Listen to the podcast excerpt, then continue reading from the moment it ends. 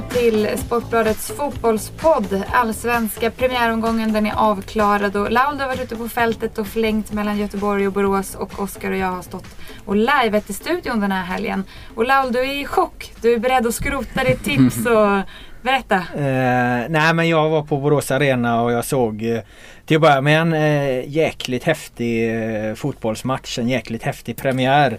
Det kändes som att eh, Elfsborg eh, och AIK var ju sist ut av de, av de här åtta allsvenska matcherna och det kändes som att det var då allsvenskan drog igång. Det var en otrolig inramning.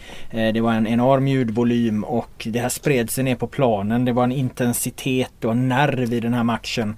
Eh, så att det kändes upp på läktarna som att fan här spelas det redan om guldet. Och det var rätt häftigt att, att, att vara på plats när att Allsvenskan drog igång med, med en sån kanonföreställning. Är du lika chockad Oskar?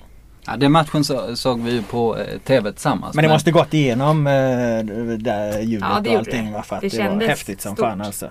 Definitivt och det var, eh, jag vet inte ett typiskt tecken på när allsvenskan är som bäst kan man säga. Mm. Och det är ju det som händer runt omkring då med, med inramningen och den här eh, liksom mentala uppladdningen mellan två av de stora klubbarna som ska drabba samman. Där är ju allsvenskan som allra starkast när det är på det sättet.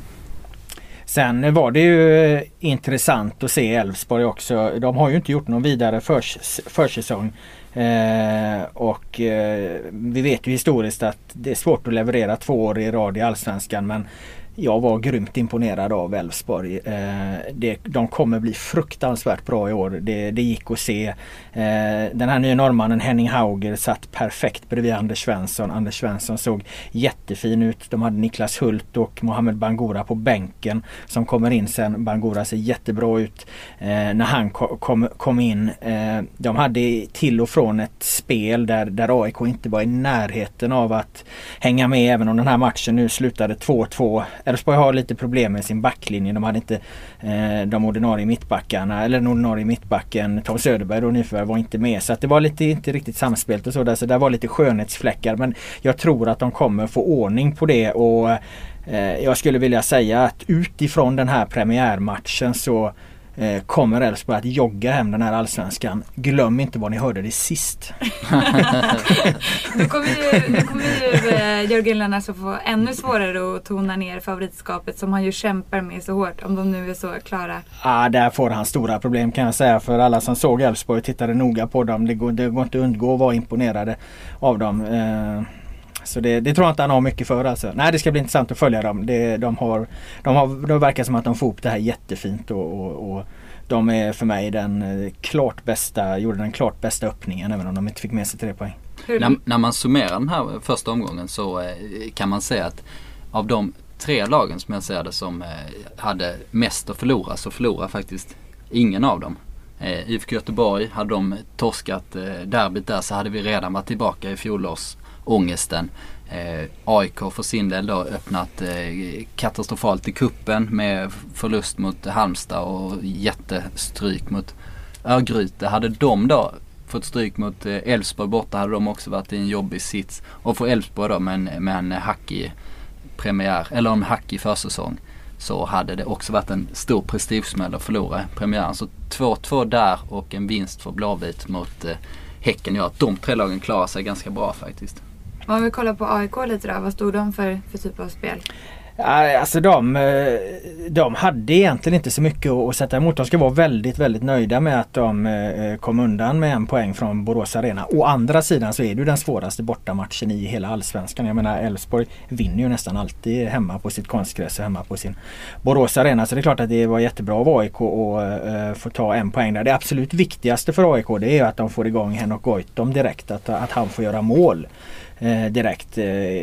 För att det vi har diskuterat kring AIK, det de själva liksom också är medvetna om det är att de kanske, kanske saknar en, en riktigt pålitlig målskytt i den här truppen. Eh, det var inte jag alls säker på att Henok Goitom skulle bli. Nu börjar han direkt med att och, och inte bara göra ett mål utan han ligger även bakom eh, AIKs första mål där han skjuter i stolpen och Nabil Bahoui slår in returen. Så eh, väldigt viktigt för AIK att få igång målskyttet och jag tyckte att Alexander Milosevic gjorde en väldigt bra insats. Nu släppte de in två mål men vi ska komma ihåg att det var mot ett väldigt bra Elfsborg. Jag tyckte Milosevic såg ut som att han var tillbaka den gamla Alexander Milosevic. Han är inte så gammal men det han visade för, för, för två år sedan i Allsvenskan här och eh, eh, spelar med ett stort självförtroende, gör en jättefin tvåfotsdragning i eget straffområde. Det kändes verkligen som att han var tillbaka. Det tror jag är viktigt för AIK. AIK är ett sånt lag eh, som skiljer ut sig ganska mycket från alla andra svenska lag på det sättet att de, de gillar de allra svåraste matcherna. Andreas Alm har själv varit inne på det att eh, hans lag växer av tävlingsmatcher och så vidare och han, därför bryr han sig inte så mycket om hur det ser ut i, i träningsmatcherna. Och framförallt växer de av de svåraste matcherna då. Det syntes ju inte minst i höstas i Europa League på bortaplan. Eh, vinsten där borta mot Moskva och sen eh, dessutom ett kryss så när, så när en vinst till mot, eh, borta mot PSV då som hade fullständigt kört över allt motstånd i Holland. Och i Allsvenskan då så har vi ju Elfsborg borta som den eh, svåraste matchen på pappret. Eh, och de, de tyckte om att spela den helt enkelt och det var därför de lyckades få med sig en poäng de kommer ju må bra av att få tillbaka Celso Borges också på, på innermittfältet där. Eh, Ibrahim Moro är jättelovande och, och jättetalangfull. Eh, men det är ju, han tappar ju bollen till eh, Elfsborgs 1-1 mål och då har han inte alls liksom ögonen i nacken med sig. Anders Svensson kan gå upp i, i rygg på honom ganska enkelt. Ta tillbaka bollen och, och sätta James Keane i, i ett skottläge. Även Elfsborgs andra mål så, så får de inte riktigt press på, på bollhållaren på mitten där så Lasse Nilsson kan sätta en fin djupledsboll igen på, på Keen där så att eh, eh Celso Borges kommer göra nytta både, både det defensiva spelet på innermittfältet och, och i det offensiva för de hade inte mycket bollinnehav framåt heller. Så att man ska väl tillägga det också att, att han saknas där och han är en av Allsvenskans bästa spelare. Så. Jag pratade ju med Henok Goitom idag och han sa att han var en spelare som spelar extra bra under press. Gör det att han passar extra bra i då ett lag som AIK som ju har ständig press över sig? Definitivt. Det är ju eh, en spelare, jag vet inte, man behöver nog inte ens analysera det utan man kan bara känna efter på något sätt att Henok Goitom eh, passar bra in i AIK. Det, det, kände man på något sätt redan innan han spelade. Han gillar ju det här så fort man börjar snacka om han om, om pressen och AIK-hybrisen och allt vad det kan vara så gillar han ju liksom att brösta upp sig och, och visa liksom att vi trivs här som, och vi är Sveriges största klubb och eh, det är vi mot alla andra och så vidare. Och sånt. Så han ja, han är som gjord för att spela där helt enkelt. Om man kollar på Göteborgsderbyt då. Det var ju det var mer en lättad Stare i intervjuerna efter än en direkt glad Stare om man ändå tänker ändå 3-0. Ja, men Oskar berörde ju det tidigare här att eh, IFK Göteborg med, med tre raka sjundeplatser i Allsvenskan och eh, framförallt då fjolårets misslyckande. Hade de förlorat den här premiärmatchen då hade de direkt stått inför en ödesmatch eh, hemma mot Brommapojkarna. En nykomling som kommer dit med, med allt att vinna och, och jättepress på IFK Göteborg. Så den här, eh, den här eh, matchen, jag håller med dig fullständigt där Oskar, att det, det betyder oerhört mycket för IFK att få en bra start som de inte heller har fått på, på tre år. April har varit en mardrömsmånad för IFK Göteborg. De har max tagit fem poäng på de fem första omgångarna. Nu tog de tre poäng direkt och de tog det också på ett sätt eh, där man såg ganska tydlig skillnad på, på det här Göteborg och det Göteborg som har varit tidigare. Det var kanske inte så sprudlande vackert framåt utan det var ganska rakt och enkelt men det var tryggt och det var stabilt och, och eh, de satte sitt eh, centrala defensiva försvarsblock mot eh, Häcken ju, som, som gjorde 67 mål förra året och som fortfarande har kvar offensivt väldigt skickliga spelare. Eh, Göteborg släppte till ja, två målchanser tror jag det var på sin höjd. Det är naturligtvis eh, jättebra att, att göra det här och förklaringarna tror jag ligger i, just i, i spelarmaterialet. Att nu, nu, nu, hade man spelare som klarar av att spela på det här sättet med Mattias Bjärsmyr som betyder jättemycket för de, defensiven fungerar bra ihop med, med, med Kjetil Wähler. De kompletterar varandra ganska bra det här mittbacksparet. Du har eh, Jakob Johansson som har utvecklats jättemycket och blivit en klok spelare som står rätt och bredvid sig på centrala mittfältet så hade han då Filip Haglund som älskar den här typen av matcher när det blir mycket kamp och han kan ligga och skava och stöta undan bollen. Sen ska Filip Haglund inte ha bollen speciellt ofta för då gör han inget vettigt med den. Men den här gången så lämnar han ifrån sig den så fort som möjligt och då är han en effektiv och nyttig spelare. Du måste ju berätta där om hur Stare försökte finta dig och resten av journalistkåren. Vi hade ju honom som gäst i bollklubben. Då satte du hans elva men han ville inte ja, erkänna det. var ju lite roligt. Vi hade han som gäst i bollklubben som sagt och eh, alla var ju nyfikna på vad IFK Göteborg skulle komma med för startelva och så att jag funderar lite. Men det måste väl bli så här va, att Adam Johansson han går in som högerback och då flyttar Dyrestam över till vänster och då åker Emil Salomonsson, Emil Salomonsson upp på högermittfältet och så vidare. Och så drog jag den startelvan som det senare blev för Stare. Det ville han ju inte erkänna när han satt i vårt program där och han, skak, ja, han skakade lite på huvudet efteråt och menar på att du kan ju fan inte eh, pressa mig på det där sättet liksom. inte argt men med glimten i ögat. Och sen åkte vi ner då på lördagen då dagen innan matchen på träningen. Och då hade han, eh, ställde han upp på ett helt annat sätt. Då hade han Nordin Gersik ute till höger och Emil Salomonsson till vänster. Och Gersik stod och måttade inlägg och något inlägg hela träningen. Och, och, så att jag blev lite fundersam där att vad fan, ja, ja då hade jag väl fel då i min spekulation där. Men det visade sig att det var ju bara ett, ett sätt för Stare att försöka, försöka dribbla med oss journalister som var där och kollade. För mycket riktigt när, det, när elvan kom sen en timme före avspark då var det den vi drog i bollklubben. Så kan det gå. Ja, eh, eh, en, en kille som vi kollade lite extra på under eh, Göteborgsderbyt var ju Sam Larsson. Ett mål och två assist. Är det en framtidsman? In, innebandykillen som vi kallar honom. Ja, jag noterar ju det att det stod på deras hemsida där de fick svara, spelarna fick svara på snabba frågor. Och då berättade han om sin eh, innebandykarriär som hade tagit slut när han var 16 för att han ville satsa på fotbollen istället. Men enligt honom själv då så skulle han vara topp tre i världen idag om han spelat vidare. Så, så eh, innebandy självförtroendet finns ju där åtminstone. Å andra sidan topp tre innebandy inte så mycket. Du, du är väl nästan topp fem själv Månsson. Du är rätt bra innebandy så det är inte så jävla märkvärdigt då blir det. Nej det är sant. Jag har, jag har gjort, eh, gjort några mål i medie-SM mot ett, gam, ett gäng så alkade journalister där. Då går man in på topp 5-listan. Nej men Sam Larsson eh, gjorde ju en fantastisk match sett till att han gör eh, ett mål med vänsterfoten och han inte ens kan skjuta med vänsterfoten och han eh, svarar dessutom för två assist varav den ena väl i och för sig en femmeterspassning. Men den andra assisten till, till Bjärsmyrs nickmål i ett jättefint inlägg och så. Det är klart att det blir mycket fokus på, på, på den här killen då. Eh, man ska ju komma ihåg att han är väldigt valpig fortfarande. Eh, han har fått eh, väldigt stora rubriker för att han gör de här poängen för att de kommer i, i en stor seger för IFK Göteborg i en premiär. Jag var inte så himla imponerad av honom i den här matchen. Han är väldigt teknisk, väldigt fin med bollen och så vidare men han har inte alls lärt sig att, att värdera för fem öre. Han tappar bollen rätt ofta men så det är klart han har en egenskap och det är att han har modet och han försöker igen och han försöker igen. Och rätt vad det är så kommer det där kanske kosta IFK Göteborg poäng men eh, Nej, han behöver, han behöver bli lite mindre valpig och det blir han ju genom speltid. Jag var nästan mer imponerad av anfallaren David Moberg Karlsson där som har ett jävla klipp i steget alltså. Fruktansvärt snabb, löpte ganska klokt och var bättre med bollen än, än vad jag trodde. Eh, den här killen kan i och för sig inte göra mål va. Han, han, han kan ta sig till lägen men han träffar fan inte mål. Det är ett litet minus om man är anfallare. Ja, men det, han är också ung. Han är en av många unga talanger som har, som har visat framfötterna direkt i Allsvenskan här så att det, det, det, det kommer säkert det också va. Men jag tyckte att hans, hans fysik var jävligt intressant. Va? Att vara så snabb. Va? Du vet att nu spelar IFK Göteborg med Moberg Karlsson, Hussein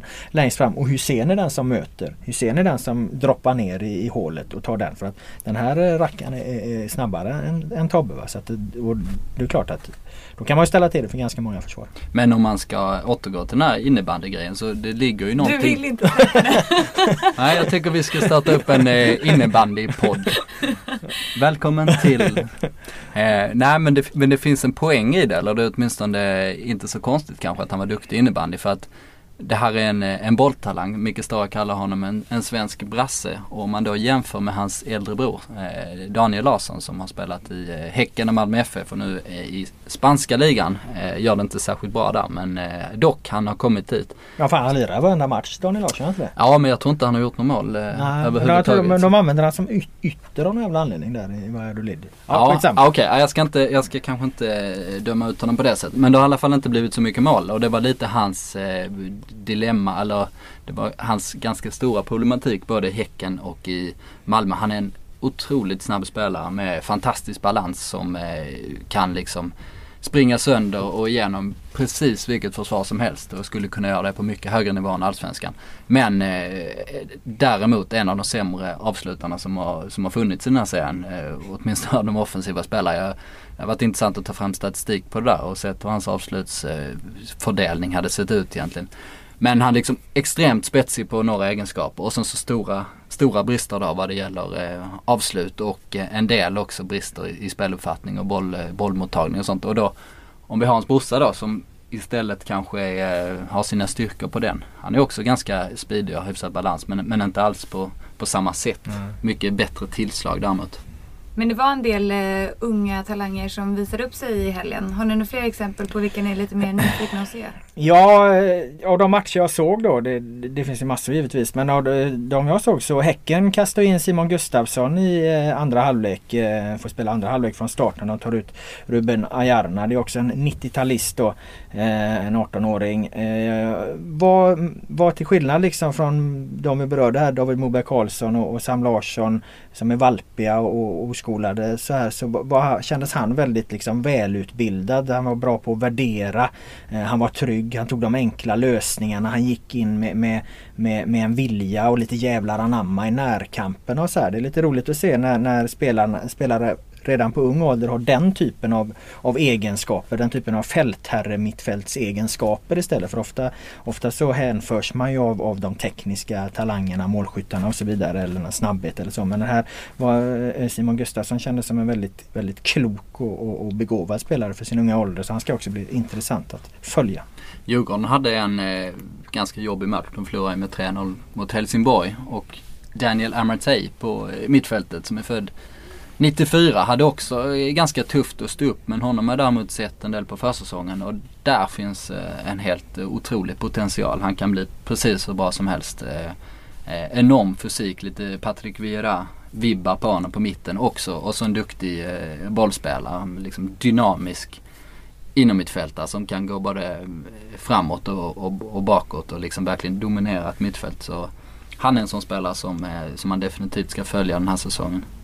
Ja, men jag tror man sammantaget kan tala lite om ett eh, trendbrott. Det har väl pågått i några år här men Allsvenskan har varit känd för att eh, ta lång tid innan spelare släpps fram och så. Det känns som att eh, utan att jag har någon uträkning på det eller så men den allmänna magkänslan är att, att eh, det finns ovanligt många unga spelare att eh, hålla ögonen på och ovanligt många unga spelare som också får ganska framträdande roller och eh, där de får ansvar av sina tränare. Så att, Borde inte du i egenskap av matematikprofessor ha en ut, uträkning på det här? Då beställer vi det till nästa gång helt enkelt. räkna ut det någon gång framöver. Här. Nej men eh, som sagt jag vet inte exakt hur det förhåller sig men eh, Eh, det ska bli intressant att se ifall det bara är en tillfällighet eller om, om man fortsätter på den här vägen.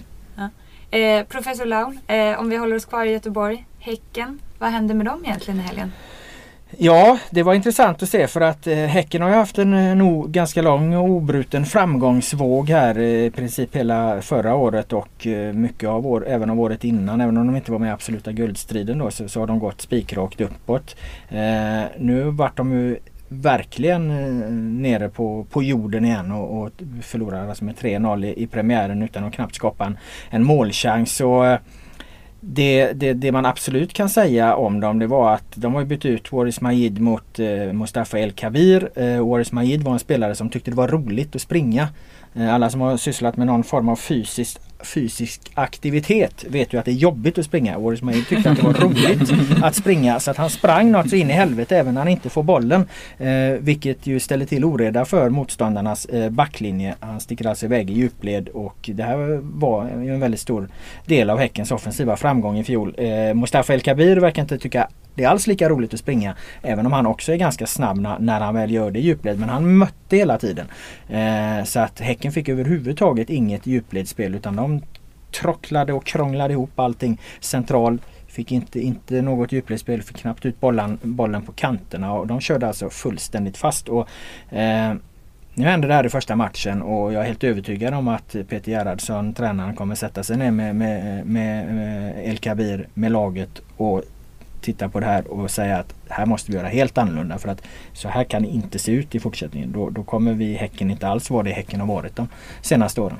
Häcken är ganska eh, märkliga många gånger att titta på. I och med att de har sitt system som utgår från att man alltid ska spela bollen framåt och spelarna ska vara i rörelse framåt. När det blir som i den här matchen när man fastnar centralt då får man kontringar mot sig och då ser det nästan inte ut som spelarna jobbar hem. Det är lite som när man spelar knattefotboll själv. Alla sprang åt ett håll och sen när man blev av med bollen då sprang det andra laget åt det hållet. Så det blir liksom helt otroliga ytor för Göteborg då, Ja. som, som de utnyttjade. Ja, de är ju vana att komma till avslut på sina anfall i och med att de har så många skickliga offensiva spelare. Men det förutsätter ju också att det skapas utrymme för dem och det skapas inget utrymme för dem ifall deras an- anfallare då möter hela tiden. Utan då blir det precis som du säger, då får de de här omställningarna emot sig och det, det, det, de, ju- det har de ju inte haft på två år nästan. För de har ju klarat att komma till avslut, avsluta anfallen och sen i lugn och ro kunna backa hem och, och, och, och ta nästa stöt. Då. Det slår mig nu att jag gärna hade sett Lars Lagerbäck kommentera den här matchen.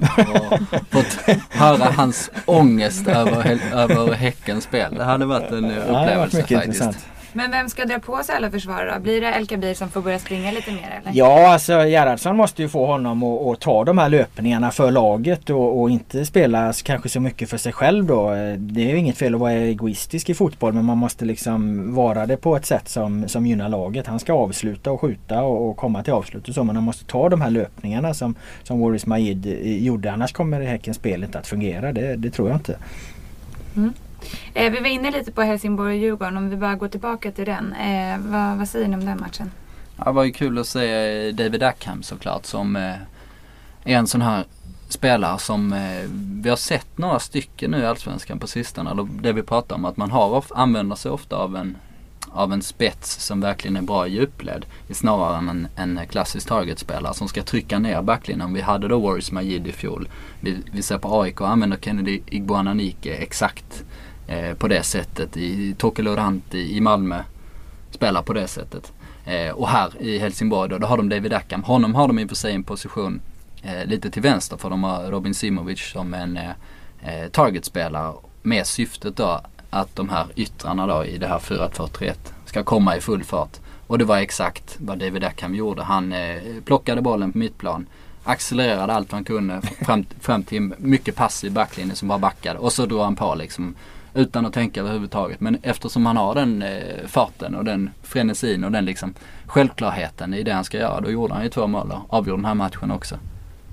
Jag träffade Reine Almqvist i pressrummet på Borås Arena i, i halvtid där mellan Elfsborg Det är alltid trevligt. Och, och AIK, Reine för de som inte vet då, han jobbade ju eh, som scout i Helsingborg. Han eh, är ju även eh, spion för det svenska landslaget och bevakar matcher och analyserar motståndare.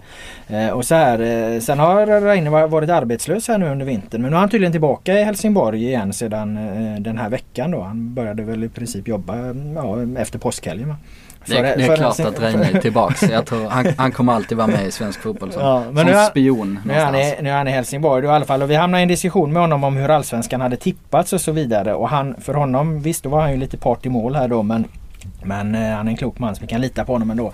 Han var väldigt förvånad över att Helsingborg har placerat så långt ner i alla tips för att eh, han menar på att de har tre spelare som är helt överlägsna alla andra utespelare i Allsvenskan. Och med, de- med de tre spelarna menade han eh, Maima Lango, Adian Gashi och eh, Alejandro Bedoya. Att när, de, när, när Helsingborg, när de här tre spelarna sätter fart på det i, i Helsingborg då har de ingen motsvarighet i Allsvenskan. Så att eh, han Eh, på honom lät det som att han, han var övertygad om att Helsingborg vinner och vi som känner Reine vet att det säger inte han för att lyfta dem och skapa positivt surr kring Helsingborg utan det här är hans eh, fasta analys då. Han är ju en duktig fotbollsanalytiker så att det, det är lite värt att tänka på det där. Vi, vi minns guldåret 2011 hur mycket vi hyllade Malango och Gashi.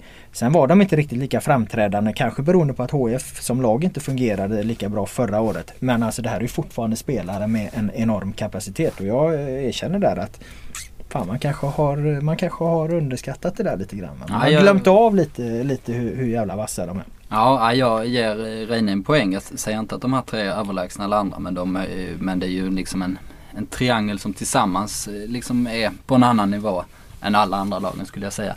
Men då måste man ju komma ihåg att eh, Maj Malango kommer att sticka till sommaren med 90% säkerhet. Han, han var liksom på väg bort redan nu. Det fanns ganska långt gångna förhandlingar med eh, en klubb i Turkiet, en i Frankrike då. Det blev, blev inget av för de kunde inte riktigt enas om de finansiella villkoren. Men han kommer att sticka till sommaren. Bedoye har ett korttidskontrakt med ambitionen att eh, visa upp sig under våren och sen skriva på för en större klubb där han får bättre betalt eh, och dessutom finns det ett par spelare till som kan försvinna för Helsingborg. Så, så det måste man ju väga in i, i hela tipset då om man tar över en säsong. Det var precis vad jag sa till Reine men då, då, då tog han sig en kan kanelbulle till och skrattade och, sa att, och sa att då tar vi in några som är lika bra.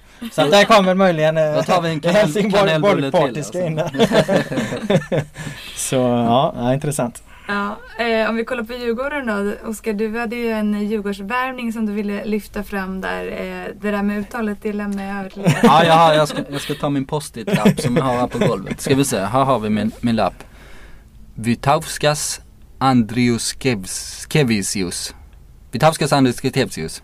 Så heter han i alla fall. Deras eh, nya litauiska eh, mittback som eh, Djurgården plockar in nu i mer eller mindre i panik tror jag efter eh, den här Helsingborgsförlusten där, där, där bristerna då som på mittbacksidan blev ganska tydliga. Ja, vi skojade ju om, om eh, namnet där, det gjorde vi på Twitter där. Då fick jag någon, någon snubbe som eh, hade tagit reda på hur man ska säga det där och eh, jag ska försöka läsa vad han har skrivit där. Alltså det korrekta uttalet på hans namn är alltså Vitotas Andriuskevicius. Ja det var det jag sa. Ja det var väl kanske ungefär det du sa men säg det då snabbt tio gånger istället. Så kan du, du se hur det går. Nej men eh, jag skojade lite och, och frågade om Djurgårdsfansen hade något eh, smeknamn på honom och eh, många föreslog då att kalla honom Vito. Det var ju enkelt då men eftersom han också eh, han är vänsterfotad och kan spela vänsterback så var det någon som sa att eh, man kan kalla honom för den nye, den nye Tower. Och det tyckte jag var ganska bra för han är ju Litauer. Så att, ja. Eh, ja, något måste vi kalla honom Ja, går men inte. Vito var väl rätt bra eh, Ja, kan jag tycka. Det var enklare än Vitotas Andriuskevicius. Ja, Ja. bla bla. Jag, jag, Vito. jag pratar med eh, Ville Bäckström som eh, jobbar på Djurgården och Media.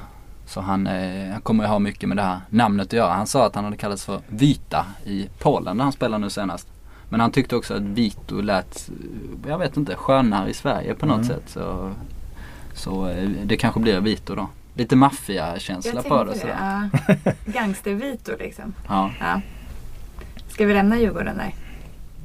Det, Ja. ja. vi kan ju konstatera det här eh, med paniken. Alltså det kan ju vara klokt på så sätt att de behöver verkligen stärka upp mittförsvaret nu när Jonna Toivio försvann väldigt sent på transferfönstret och man, eh, bristerna blev uppenbara mot Helsingborg. Det borde man kanske insett tidigare. Så på så sätt är det väl klokt att ta in en spelare nu förutsatt att han håller lite högre nivå.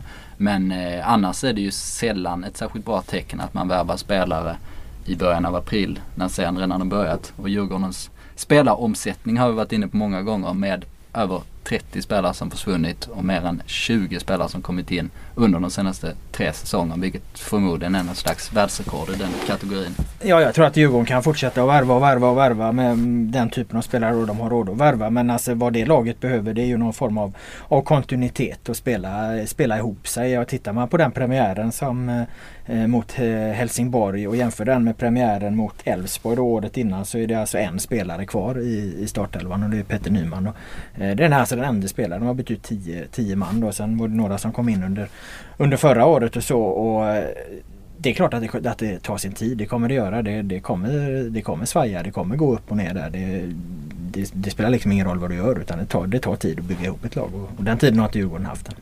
Det är lite som eh, när man går in i en, man ska inte gå in i en mataffär när man är hungrig för då kommer man, eh, stanna, då kommer man stanna till vid godiset precis på slutet som är placerat eh, där och så kommer du liksom lassa upp massa godis och underbar liknelse. tuggummin och sånt du behöver. Fantastiskt. Så du ska gå och handla när du inte är hungrig för då gör du genomtänkta, genomtänkta köp. Det är Oskar Månssons tips till Magnus Persson. Det ska jag ta upp nästa år när jag håller en liten föreläsning för de allsvenska sportcheferna. Eh, förra veckan i podden så pratade vi om upptaktsträffen som vi precis kom ifrån då.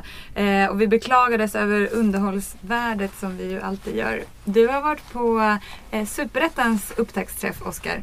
Ja dessvärre så har jag varit i Örebro på Hur Superettans var det med underhållningsvärdet? Um, underhållningsvärdet var, eh, det är ganska, ja det var ganska fascinerande på ett sätt för att vi har ju alla klagat på att att de eh, allsvenska klubbarna är dåliga på att sälja in sig själva. När de får en scen, hela branschen lyssnar. De kan eh, bestämma sig för ett budskap. De kommer få genomslag i hela riket då liksom med, med positiva rubriker och, och så kring sin klubb då.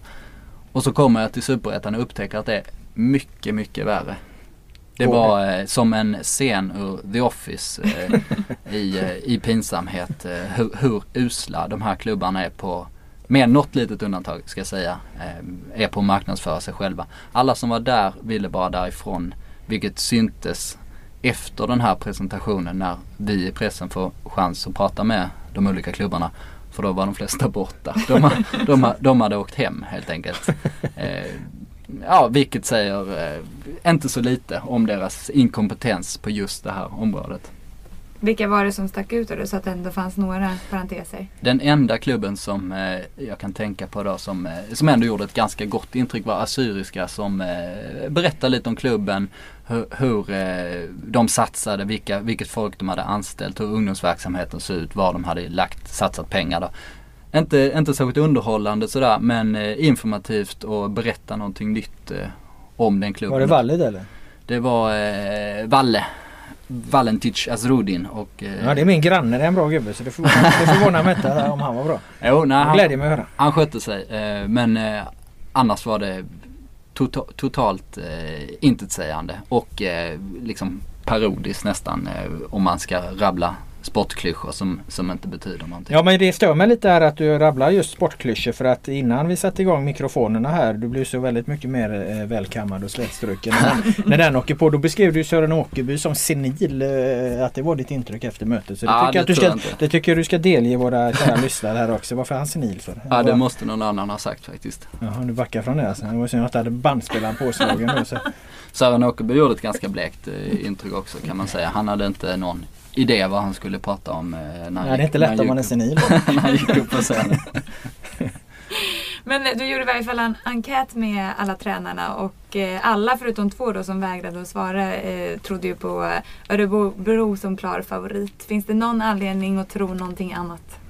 Um, nej men det, det är ju ett väldigt logiskt eh, tips kan man ju säga. Den här enkäten var också lite roligt om jag ska inflika. Det, är- det är svårt att göra enkäter med folk som har försvunnit. Så jag fick ta de flesta på telefon eh, på väg när jag satt på tåget. Hem då. Eh, men i alla fall, kontent, Men, eh, kontentan blev att alla... Hammarby och Östersund som vägrade svara. Vad var det? Då svarade de inte på telefon, var det så eller? Ehm, Ville de helt, var det en för känslig fråga? Ja, den, det ena svaret från Hammarby var bara på sms. Eh, I och med att jag inte hann träffa dem in person och, vad det gäller Östersund var det på telefon faktiskt. Eh, så då pratade jag åtminstone med honom men, eh, men, det, men det var liksom alldeles för, för känsligt att, svara vilka lag som, som ska gå upp. Och, det, och ja, jag vet inte, det är ju, vi kan skratta åt det men det är ändå bara en liten invändning som jag har jämfört med det här andra då, intrycket. Men, eh, men Örebro eh, är mitt eh, självklara tips som etta också. Jag tycker de har en jättebra trupp, en bred trupp som skulle hålla Allsvenskan redan nu. Som tog en massa poäng lite i skymundan i höstas då. Så de såklart starkast ut tycker jag. Med, med Hammarby som en kanske lika självklar tvåa då. Ska vi inte ge eh, Superettan något mer medieutrymme tycker jag, för de förtjänar inte det efter det här. Nej det, det gör de faktiskt inte. Så jag, jag är tyst från och med nu. Ja, Hammarby kändes ju som att eh, i höstas när de fick in Kennedy och Erik Sundin så, så hade de ju faktiskt en trupp som hade de haft den från början så hade de kunnat vara med i, toppen eh, ganska långt eh, i, i fjol. Va? Så att, eh, det, är väl, eh, det är väl nu då för Hammarby. De, det är ju lite varje år så, så tror man ju på Hammarby. Eller många tror på Hammarby. Det har inte blivit så här nu men eh, återigen då får, får även, väl även jag konstatera att nu ser det faktiskt ganska ljust ut för dem med, med det material de har. Ska vi stänga butiken? Gå förbi godiset på vägen ut kanske? Det låter bra. Ja. Vi fick inte sagt något om eh, Malmö FF eller eh, har jag i så fall glömt det? Det är inte bara Åkerby som är senil kanske. Men vi sa inte så mycket om Malmö eller? Nej, kör på. Eh, ja, jag såg inte Malmös, eh, Malmös match. Jag såg, såg det här fantastiska målet som, Då vill som, vi gärna som Rant, analys. Ra- Rantzi smällde upp i, i, i nättaket. Nej men det var ju lite överraskande med, med Malmö. Det är väl eh, någon i den här studion i alla fall som har dem som guldfavorit och, och, och eh, jag vet inte om det är därför som eh, som du inte säger något om Malmö efter när de bara får 1-1. då Ja men jag är nöjd, i- jag är nöjd med i en premiären. poäng. Jag tänkte på den Jag är nöjd med en, en en, en, en, en, en, Du, efter ditt guldtips så tillhör du Malmö FF alltså. Nej men jag tänker man kan ju, eh, alltså det finns ju alltid grader i helvetet som man brukar säga och en annan i den här studion har ju tippat på ett helt annat lag som förlorat Göteborgsderby här med 3-0 i Jo men jag har ju tagit, den kulan har jag ju tagit här. Jag har ju, har ju liksom eh, nästan abdikerat från detta och gått ut och förklarat hur jag ser på saker och ting. Jag har inte försökt glida undan mitt ansvar som eh, du uppenbarligen försöker med. Nej 1-1 eh, mot Halmstad var väl eh, ingen höjdare. Men Halm, Halmstad är de, deras mantra är att de ska vara jobbiga att möta och det är ju precis vad de är. Halmstad är ett eh, Gävle 2.0 helt enkelt. Jag drog den liknelsen för ett tag sedan och då hade jag ganska många så invändningar. De är Gävle fast ändå inte. Men nu säger jag de är Gävle bara. De är, eh, spelar, spelar på samma sätt. Rakt 4-4-2, press och understöd. Alla, alla får en eh, snabba omställningar. Och effektiva, hårda, tuffa. Borde inte Malmö kunna vara medvetna om det då på förhand och kunna spela sig ur det? Eller? Jo, det borde de absolut. Eh, med tanke på att eh, då nackdelen med att spela på det sättet som, som Halmstad gör är att man aldrig någonsin kan bjuda på några överraskningar. Så de, de borde ju varit eh, förberedda på det. Men de fastnade ganska mycket i sitt spel. De hade inte tillräckligt bolltempo. Ivo Pekalski spelar som någon slags mittfältslibero och eh, liksom kunde inte hota själv och då blev de för, hade de för få alternativ framåt helt enkelt och var helt eh, beroende av eh, Rantis individuella prestationer. Och han, han liksom sprang ju på allt liksom mm. och, och eh, liksom eh, dribblade och sköt och gick i djupled och, och allting liksom och, och, lyckades hota en del på det sättet. Men, men sett eh, över hela matchen så, så lyckades de inte särskilt bra. Så 1-1 var ju, eh, ja Malmö hade givetvis ett, ett stort spelövertag och, och även ett chansövertag. Men eh, 1-1 var ett logiskt resultat ändå. Ja, nej det låter inte som något guldlag det där men vi får väl se. och där rundar vi av det här programmet. nej, vi eh, tar och stänger butiken här från eh, Fotbollspodden men vi är såklart tillbaka igen nästa vecka. Var med oss då också.